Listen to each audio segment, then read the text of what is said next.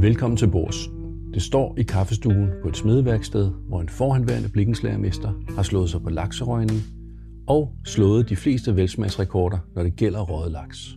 Han hedder Michael Andreasen, og hans ganske lille røgeri ligger på Samsø, hvor vi møder ham for at høre, hvordan han bærer sig ad med at fremstille denne her pragtlaks.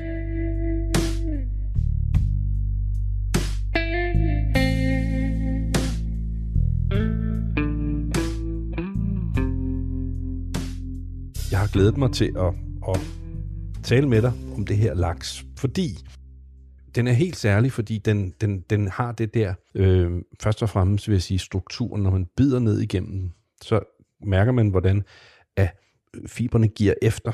Altså man bider ned igennem som i, i, i et stykke virkelig fin øh, modnet oksemørbrad eller svinemørbrad måske. Det, det, det giver lidt igen. Øh, det er helt tydeligt, at det er kød, og det smager, eller fiskekød, og det smager friskt.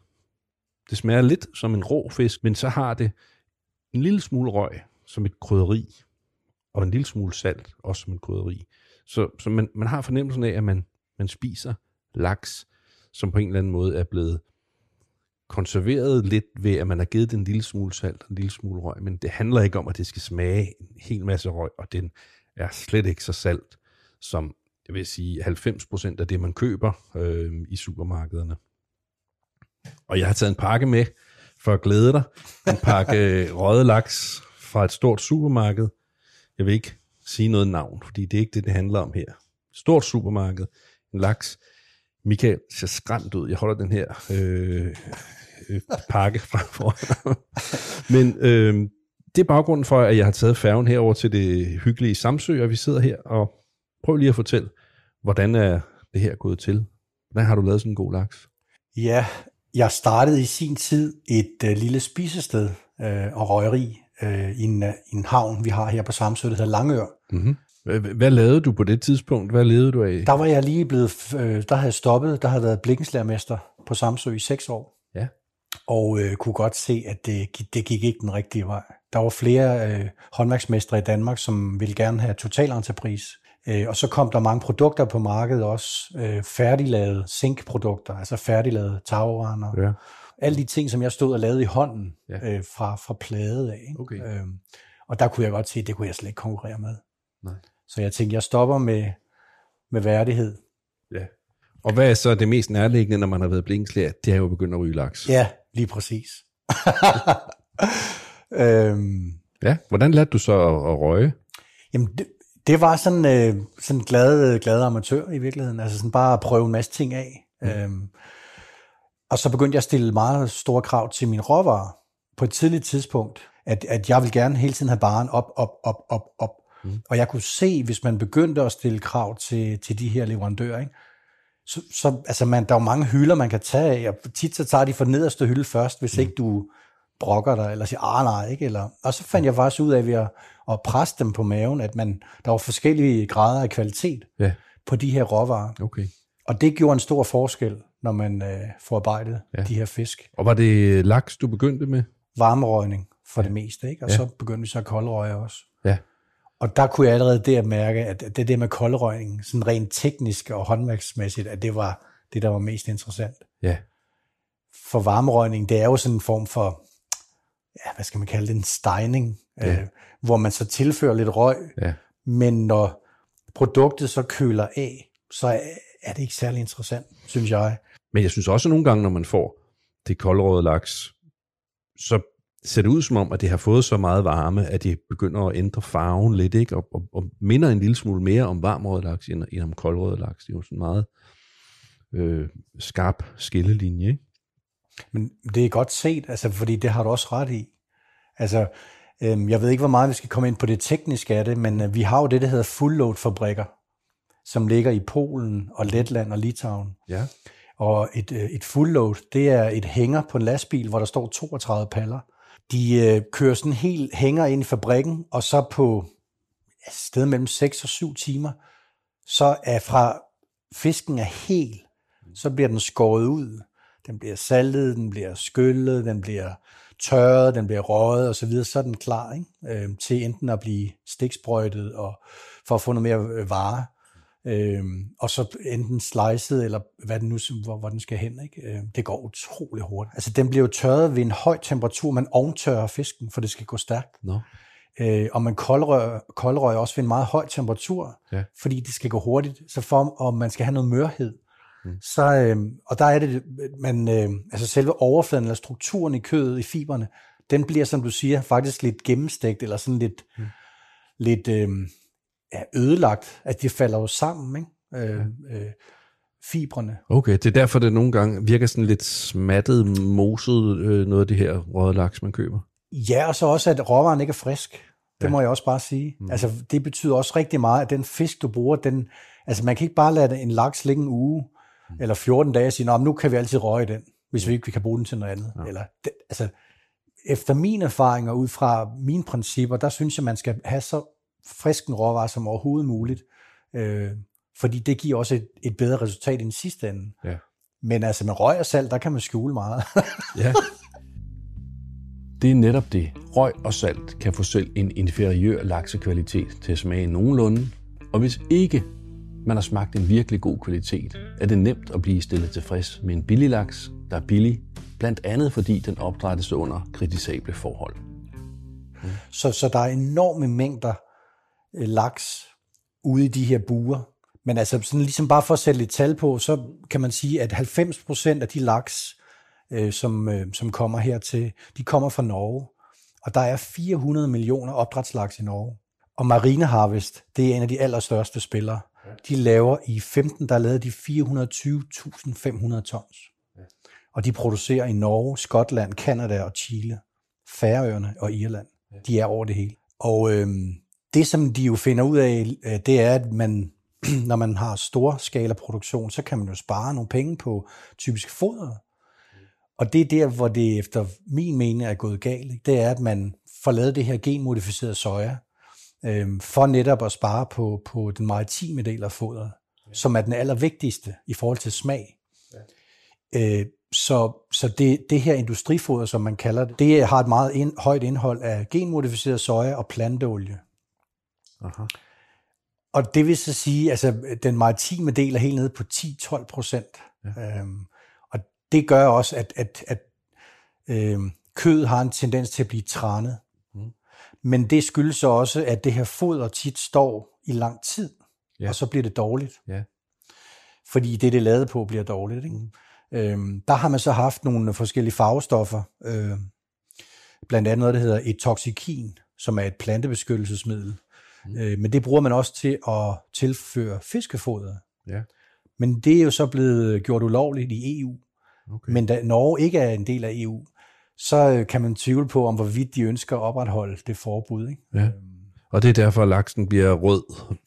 Øh, ja, der har man, øh, hvad hedder det, øh, et, et middel, der hedder ast, øh, astansacin. Mm. Og det er sådan et, øh, et farvestof, som naturligt kommer fra krebs. Ja. Øh, men det tilfører man så syntetisk øh, i, øh, i det her foder også. Og, og meget, mange af de her stoffer, dem har man så mistænkt for at være ja, kraftfremkaldende. Ja. Og derfor så har man så forbudt det. Mm. Øhm, men det er jo ikke altid, øh, virkeligheden hænger sammen med lovgivningen. Nej. Øhm, og det er også svært, synes jeg, det vil jeg bare lige tilføje, det er svært at, at tale om, om laksebranchen, fordi det er så stor en branche, og sådan, man vil hurtigt komme til at tale sådan generelt om branchen, som der er en masse, altså alle er dårlige og har en, mm. Øh, altså der bliver lavet fantastisk laks i Norge. Mm. Det skal man bare lige, øh, det er vigtigt at fremhæve, synes jeg. Men det bliver solgt til sushi i, til det japanske marked. Altså, fordi vi i Danmark også har udviklet en presse omkring den norske lakseproduktion, som Ja. gør, at nordmændene gider os ikke rigtigt. Okay.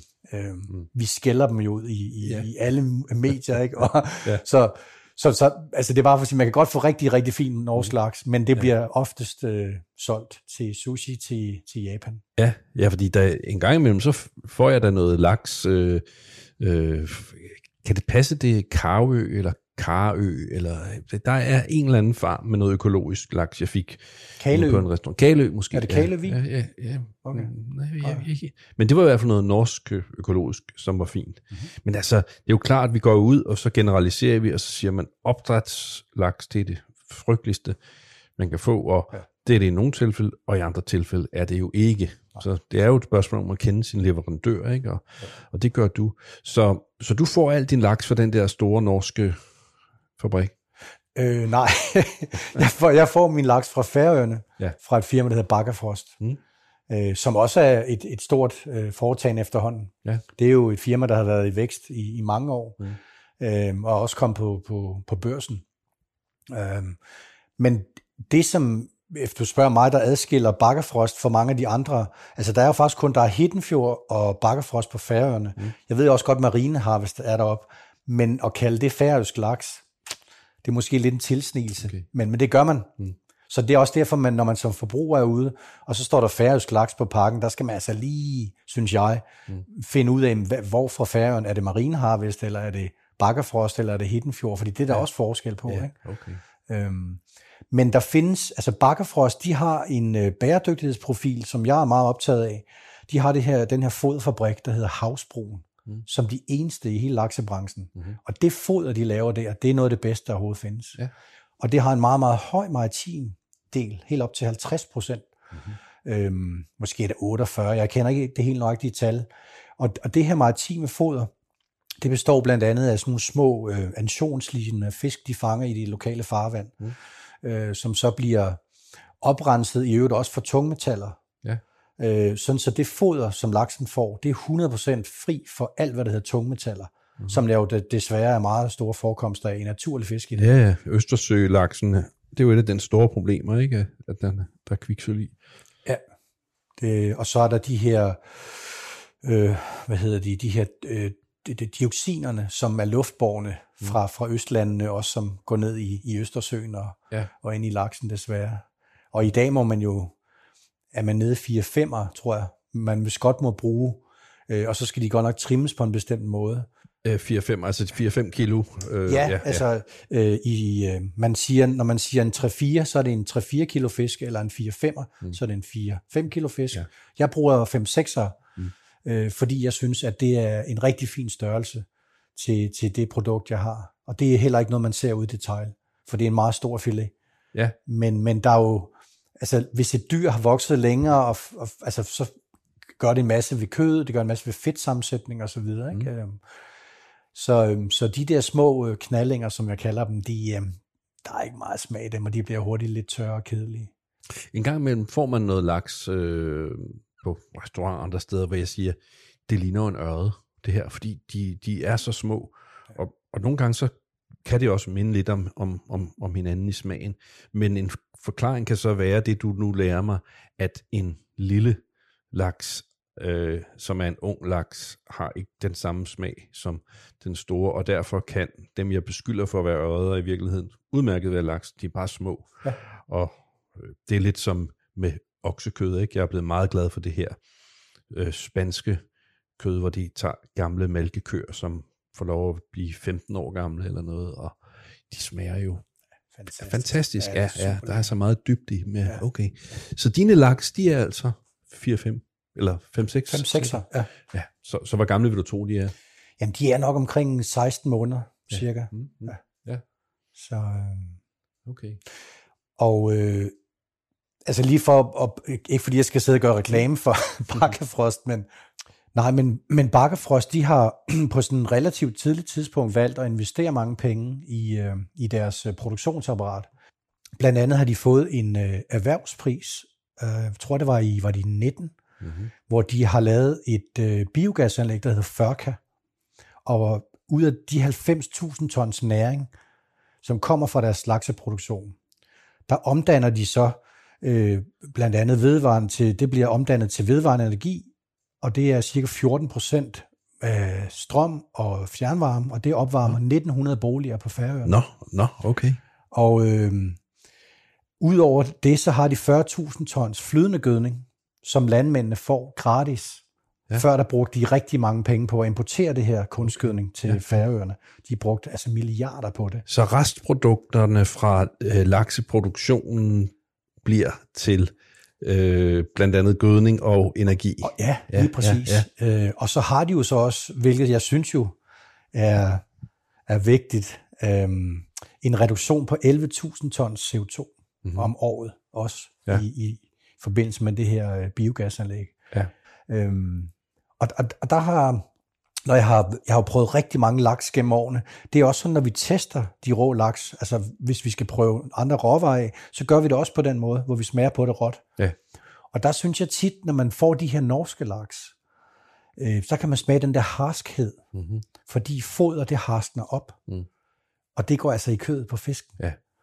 Så øh, Skal du så fryse det, før du øh, kører videre og ryger det, ligesom til sushi? det gør jeg ikke, nej. Nej. Det gør jeg ikke. Så Så du får det ind, og så tørrer du det. jeg salter det først. Du salter det først. Det bliver tørsaltet. Nå. Sådan en helt gammeldags tørsaltning. Ja, okay. Øhm, og, øhm, og så, så der smider det rigtig meget væske. Altså Ja. virkelig, virkelig. Der er masser af væske ud over det hele, når jeg kommer ja. op. Ikke? Måler du op en vis mængde salt per laks, eller spreder du det bare sådan jævnt over? Jeg har sådan min egen lille hemmelige opskrift. Mm. Øh, kommer lidt forskelligt i. I Ja. salten også. Øhm, Ja. Og øhm, der sker noget kemisk, når man gør det også. Mm. Og, øhm, og, så, og så, så, så har jeg et blandingsforhold, og så strøger jeg så det ud over øh, fisken, sådan med, Ja. med, med lænhånd. Ja. Øhm, og så, øh, så ligger det der, og så bliver det så skyllet i de her kar. Mm-hmm. Og så Hvor, lader hvor længe? Det ligger det i tre dage, var det sådan? øh, øh, nej, jeg salter i cirka syv timer. Nå, kun i syv timer? Ja. Ja, okay. Så det er sådan en, en måske kalde det en sådan lettere saltning, men, men der er jo også en, en øh, altså der er jo sådan en, noget der hedder et smeltepunkt, og en mæthedsgrad Mm-hmm. i forhold til salt, altså hvor hurtigt det trænger ind, og hvor hurtigt salten den smelter, og så er der den her nedsivningsgraden Ja, også, og det afhænger rigtig meget af temperatur, okay. om man, man lader salten ligge på, på laksen ved høj temperatur, eller ved lav temperatur, og om man bruger groft salt, eller om man bruger fint salt. Ja. Så, så der er mange øh, forskellige faktorer. Så hvad for en temperatur øh, salter du det ved? Øh, jamen, typisk sådan i 12, 12 grader, det synes jeg er en rigtig fin arbejdstemperatur. Ja, Ja. I det hele taget, den Ja. kan jeg rigtig godt lide. Ja. så øh, Og, og groft eller, eller fint salt? jeg bruger fint salt. Ja. Ja. det det giver jo mening, så kommer det længere ned. Jeg plejer at købe Maldon salt, fordi jeg tænker, så bliver det rigtig godt.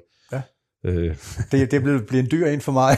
jeg køber 400 kilo ad gangen ja, salt. ja, ja. Så puha, det Okay. bliver en dyr laks. Ja, Men, men jeg salter længere tid, fordi jeg har prøvet nogle gange at bringe saltningen ned for netop at undgå, at det smager for salt. Ja. Men så har jeg så oplevet, at det er som om, at den ikke... Jeg synes, salten giver ligesom en hårdhed, eller den trækker jo vand ud. Så det, jeg synes, jeg har oplevet, nu har jeg jo ikke gjort det så mange gange som du, men jeg synes, jeg har oplevet, at hvis jeg har saltet for lidt, så er det som om, at fisken, den hurtigt blev dårlig, efter jeg havde, havde røget den. Og jeg tænkte, det må være fordi, at den ikke er blevet saltet nok, den ikke er blevet konserveret. Hvordan lyder det i, i dine Jamen, det, det lyder rigtig fint. øh. Altså det, man gør meget i industrien, det er, at man lagesalter jo. De har sådan nogle store kar, og så Ja. fylder de salt i, Mm. og så smider de fisken op i, så ligger de og svømmer det der saltvand, Ja. og så suger det jo så ind. Ja. Øhm, men altså et, et lille tip, mm. du kan prøve næste gang, det er, at hvis du, lad os nu sige, du salter, hvis du nu bruger fint salt for eksempel, Ja. øhm, så, så øh, lad os sige, du salter 7 timer for eksempel, eller 8 timer, Ja. så kan du lægge det op i, i det her vandbad, hvor du så s- skyller det. Og så kan du øh, få fat i sådan en, der måler saltprocenten i vandet. Mm. Mm. Og så kan du ligesom, ligesom udvande den.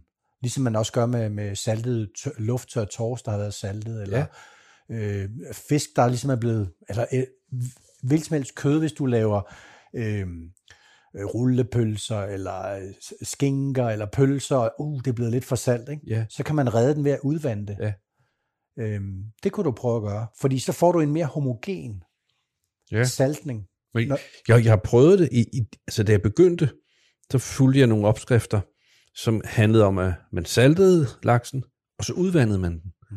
Og jeg tænkte, hvor pokker kom salt på, og så kom den ned i vand bagefter, fordi jeg vil jo gerne have, at den skal ligesom smide noget af det her vand. Øh, Så jeg er faktisk kommet derhen, hvor jeg nu bare salter dem, og så salter jeg dem lidt, og så skyller jeg det her salt af.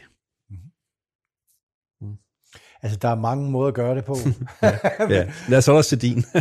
Nå, nej, men altså, det er jo, altså, det er jo meget sjovt. at, og, altså, jeg har jo købt nogle af de der rigtig gamle salt- og røgbøger. Ja. Ja. De der fra min bedstefars tid. Paul, ikke? Paul Wellendorfs øh, lystfiskerkog på. Ja, ja, de der klassikere, ja, ja. Altså, meget af det der, ikke? man kan ikke spise det. Det er Nej. uspiseligt, ikke? Altså, ja. Men det var, fordi det skulle holde sig. Og man havde jo heller ikke den der finsmag dengang. Det må man bare se i øjnene. Det er noget, der er kommet inden for de sidste 10-20 år, at, at vi begynder virkelig at forstå de her ting. Og selvfølgelig har der været en lille klike, som, som kunne det, men generelt, jamen, så gik man jo ikke så meget op i det. Det skulle bare kunne skulle holde, bare det skulle holde sig, konserveres. Ja.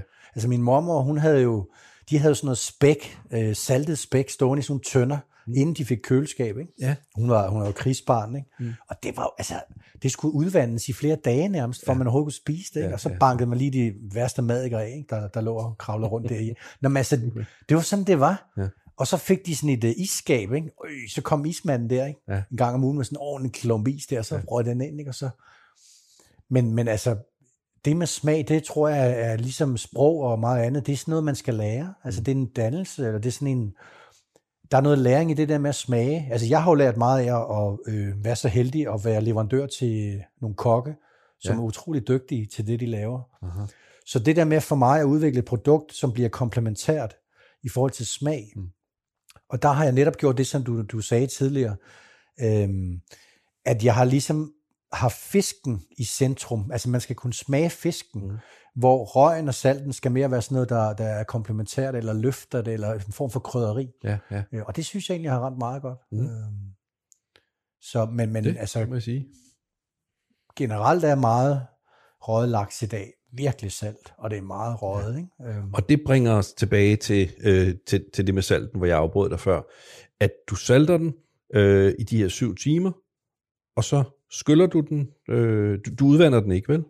Altså, den, bliver, den ligger lige i det her, de her kar, du så. Nå, i det store kar. så det gør de sådan ja. set, ja. ja, Der så ligger de lige og, og bliver lidt, øh, lidt udvandet i den, altså, i den saltlag, som der nu måtte komme, når man skyller salten af. Ikke? Ja, Så, Okay. Men det er ikke en decideret lagesaltning, det er det ikke. nej. Så Men så du udvander dem lidt for at få lidt af saltet væk fra, fra overfladen, er det vel? for at sikre mig, at de ikke er for salte. Ja. Øhm, altså det der med, så jeg har nemlig en saltmåler, Ja. hvor jeg så måler vandet, de ligger i. Mm. Og så kan jeg på den måde altid se, altså skulle de være for salte, eller har de ligget for længe, eller så kan man lige øh, udvande den lidt, hvis det er nødvendigt. Ja. Det, det, det plejer sjældent at, at være tilfældet. Mm-hmm. Men det er bare for, øh, jeg har nogle kunder nu, som forventer, at, at det jeg leverer, det skal bare være i orden hver gang. Ja. Så, så jeg kan ikke, øh, altså jeg bliver nødt til at, at have en eller anden form for kontrol Ja. min, øh, min Og det er vandet. Og du tager ikke en kontrol ved at skære et lille stykke ud af laksen og smage på den? Nej, det gør jeg, det gør jeg ikke, nej. Øh, jeg, men jeg smager jo altid på det, når jeg pakker. Ja. Altså, når det lige kommer ud af røgovnen. Ja, ja. Men, men øh, Så, men du vil ikke ødelægge det ved at lave et hul ned i? Nej. jeg, har, jeg har nemlig gjort det nogle gange. ja, ja. For, for så kan man så se, jamen okay, den er mere salt, men man er også over det der hul, der er nede i, i, i kødet bagefter. Og så skyller du det, og hvad gør du så? Øhm, jamen, så kommer det så ind og ligge øh, på de her stik, og så tørrer det i øh, tre dage. Det var det, jeg havde misforstået med, med tørringen. Det var altså efterfølgende, at du tørrer dem i tre dage. Ja. Ja. Og der ligger de så og, jeg kalder og sætter sig. Mm. Øh, men sådan, altså det, de står egentlig bare og, i virkeligheden og, og så smider, smider væske. Ja. Øhm, Og bliver derfor fastere. ja, Mm. bliver rigtig fint fast i kødet. Ja. Og får en overflade, som gør, at det, de tager rigtig godt imod røgen også. De bliver lidt skinnende i overfladen, ikke, når de har stået i tre dage. Lige præcis. Ja. ja. Og jeg, jeg tørrer et døgn, og, og synes faktisk, jeg tørrede ret meget, fordi jeg havde læst et sted det, at det var vigtigt at, få, at vente på den der hende kom. Mm. Men øh, jeg er, jeg er ovenud begejstret for at få det her lille tip af dig, så nu regner jeg med, at jeg måske kan komme, komme et skridt videre med, med, øh, med, med min kvalitet. Mm? Tre døgn. Og så ja. Kommer den i, i de store røg. Så kommer den i kammer. røgovnen, ja. Ja. Og så står den der og, og, øh, og røger i ja, cirka 30 timer. Mm. Så, øh, Og du har noget over nu, øh, som har stået siden i morges, siden klokken 5. Ja. Så det vil sige, at de har fået øh, 6, 7, det har fået 8 timer. Altså ja. i industrien, så havde det jo været ude ja, af... så er det færdigt. af Men hvordan smager det nu? Var det, skulle vi ikke prøve at, at, at, at nappe et stykke af, og så smage det? Modvinden lyser nu ud af Michael, kan jeg sige til lytteren. Uha, det er jeg godt nok ikke meget for. Jamen, det er fordi, jeg ved, det, det vil ikke, altså, det vil ikke være øh, hvad hedder sådan noget, repræsentativt, eller altså det vil ikke være, synes jeg, øh, det vil ikke klæde det, altså smagsmæssigt. Det, den vil simpelthen være for, for ufærdig. Altså, Så er det godt, at jeg har noget røget laks med fra supermarkedet. Øh, Salmo Solar 96%, der er syreregulator E325, og den er fra Norge. Ah, det bliver da skønt. øhm. Vi skal have et lille glas øh, Sauvignon Blanc fra New Zealand, som jeg tænkte ville gå godt til din laks, som vi altså ikke kan smage. Men øh, så kan det være, at den går til supermarkedslaksen. jeg, jeg tænker bare, at det vil ikke, hvis, hvis man hæver noget ud nu, og, og ligesom lage det, altså det er jo ikke, det er jo ikke sådan rigtig færdigt, tænker Nej. jeg. Nej, nej. Altså, jeg ved jo, hvor godt det smager. Det, det, det, det er derfor, jeg sidder her. Men øh, har en skål for din laks. Jo, tak skal du have. Uh, det er stikkelsbær, det her, hva'? Også god på syre. Mm. ja. Nå, men skal vi tage et stykke laks? Der er jo noget af en røghinde på den. Man slipper ikke for det, nej. Nej, nej, nej. Det, jo, du kan bare gå ud og hente en af dine egne, så slipper du. Prøv at se, hvordan den sveder. Sådan, Ja. ja. Den sveder. Hvad er det tegn på, når den sveder de her små fedtperler? Altså nu skal vi ikke nævne nogen navne, men jeg er ret sikker på, at den her stiksprøjte, Stiksprøjte med altså salt. vand, vandmarineret, ja, ja. Ja, ja, med sådan en saltlag, de, de sprøjter i. Jeg keder mig at sige det, men det skal over på din tallerken. så, så hvorfor er de perler på? Fordi den er stiksaltet? Altså det, det vil jeg mene, ja. Altså den, den, er, altså den er mættet med væske simpelthen. Og det er derfor, det løber ud, og det kan ikke være inde i, uh, Så, i så, så det er ikke fedt, den, den smider? Nej. Nå.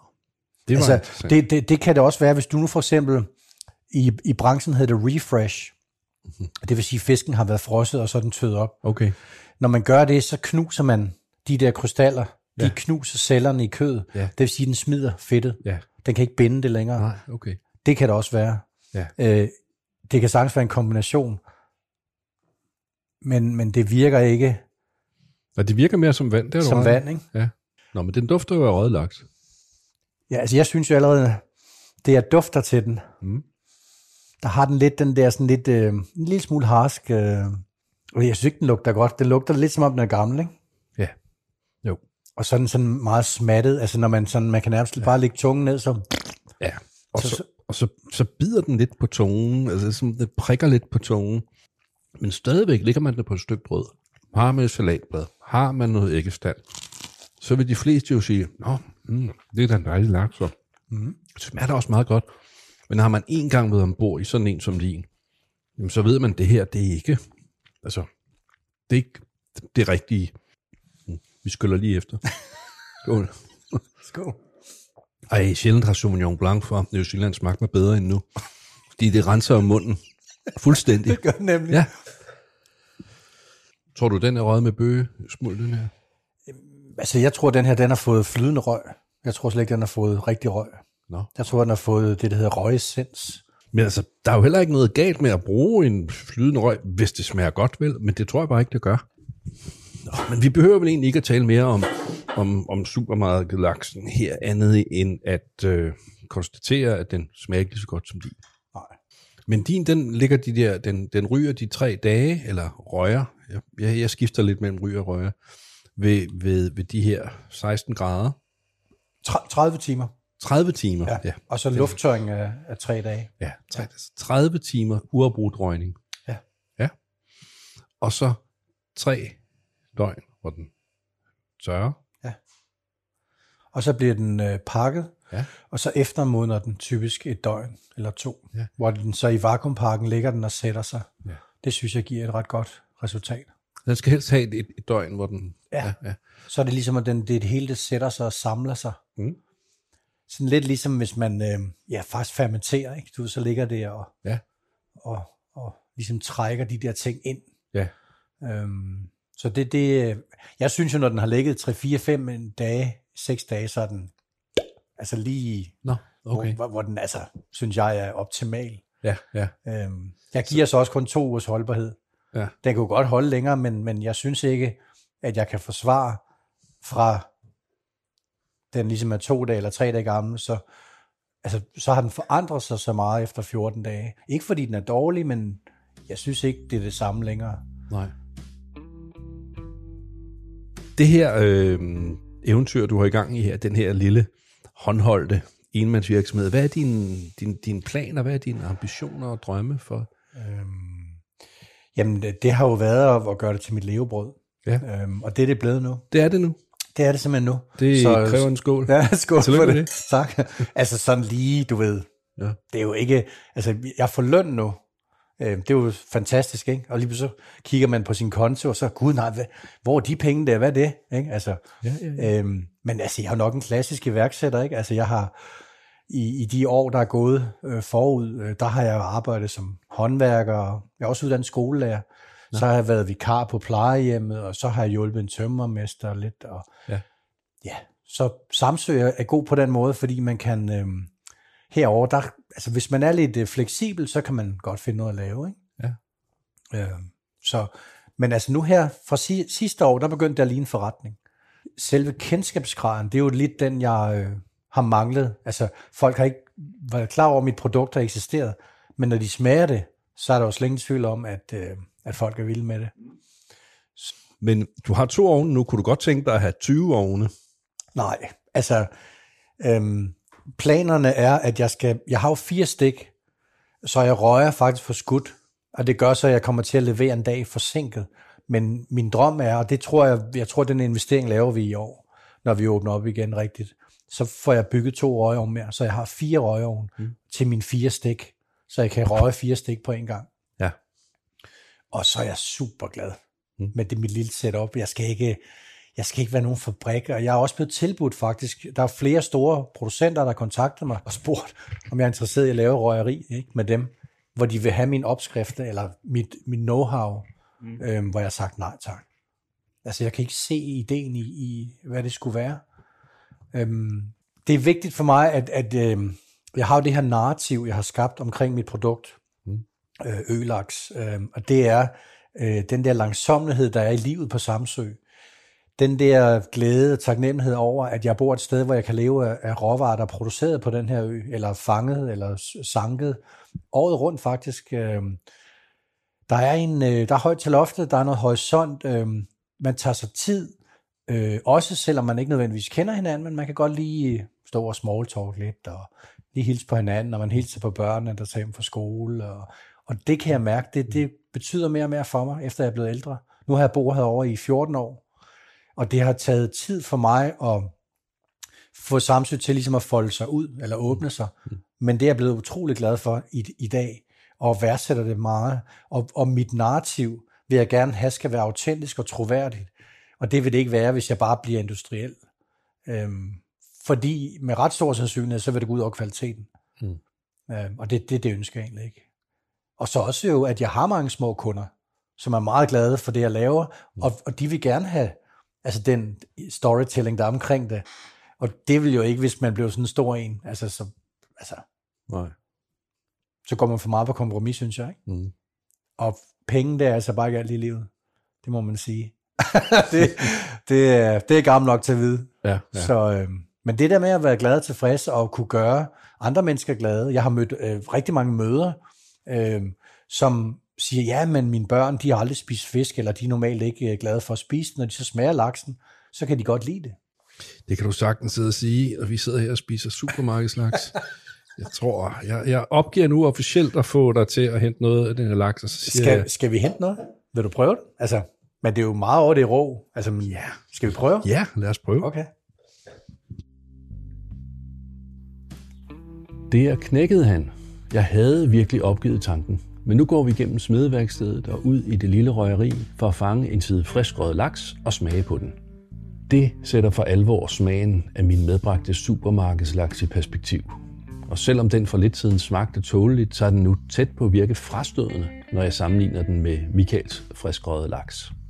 Hold nu op, det godt. Se, den har det der, jeg talte om indledningsvis. Man mærker, at der er membraner, man bider ned igennem. Ikke et stykke mos. Det andet, vi prøvede, det er, smagen er jo helt frisk. Man kan smage, der er noget fedt. Ikke harsk, man kan smage, der er noget fedt, men det er lækkert. Og så er der røgen, som er ja, det er sådan nærmest sådan et flygtigt kendkys. Den, den er bare til stede. Den har absolut ikke magt over, over det. Det er fantastisk. Må jeg tage et stykke til? Ja, selvfølgelig. Endelig. det er Ski- Gilas, der er en hel side.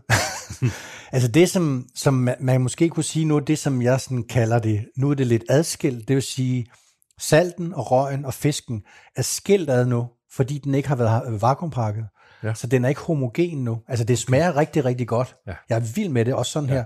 Det er sådan mere rustik smag, synes jeg. Ja. Fordi du, altså, tingene er sådan opdelt, men hvis den har været eftermodnet, altså i vakuum, ikke? Okay. så får du en helt, altså der smelter det endnu mere, det hele går op i, altså, Ja.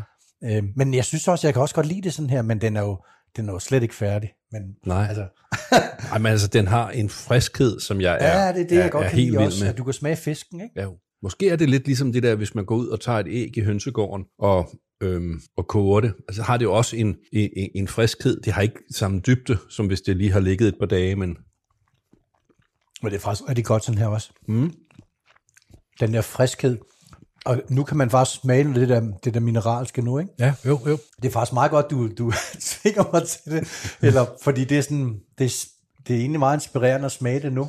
Jeg er også glad for, at jeg pressede dig. Jeg havde ikke troet, det lykkedes. Du virkede, du virkede meget, meget... Jamen, det er fordi, jeg er så, øh, jeg er vant til mine, du ved, mine små kasser med, mm. så er vi der, så er vi der, ikke? Det er Ja. jo fordi, jeg producerer, jeg har sådan et, en proces, hvor jeg, altså. Ja, det er en skade, jeg har, altså undskyld, men det, men jeg er rigtig glad for, at vi gjorde det, fordi Det er også. den der fantastiske duft, ikke? Ja. Den er meget fremtrædende lige nu. Ja, det er virkelig... Øhm, så jo, det, er, det var godt, vi gjorde det. Jeg er så glad. Jeg har reddet frokosten. Jeg er også glad for at have mødt dig, Michael. Ja, lige måde. Og din. Tak fordi du kom. Selv tak.